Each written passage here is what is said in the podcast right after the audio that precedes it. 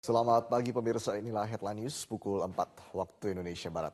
Sebanyak 43.400 penumpang kereta jarak jauh selasa malam tiba di stasiun Gambir dan Pasar Senen, Jakarta Pusat.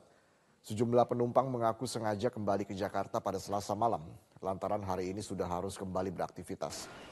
Kepadatan penumpang terlihat di stasiun Pasar Senen, Jakarta Pusat pada puncak arus balik Natal 2023, selasa malam tadi. PT KAI mencatat puncak libur Natal di stasiun Senen terjadi pada hari ini dengan jumlah penumpang mencapai 43.400 penumpang. Sementara jumlah kedatangan penumpang menuju Jakarta sejak 21 Desember hingga 26 Desember mencapai 221.610 orang dengan rata-rata sebanyak 36.935 penumpang per hari.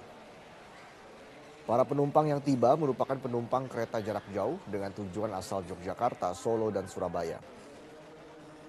Selain untuk menghindari kepadatan arus balik, sejumlah penumpang mengaku sengaja memilih kembali ke ibu kota pada hari ini lantaran masa cuti libur Natal telah habis.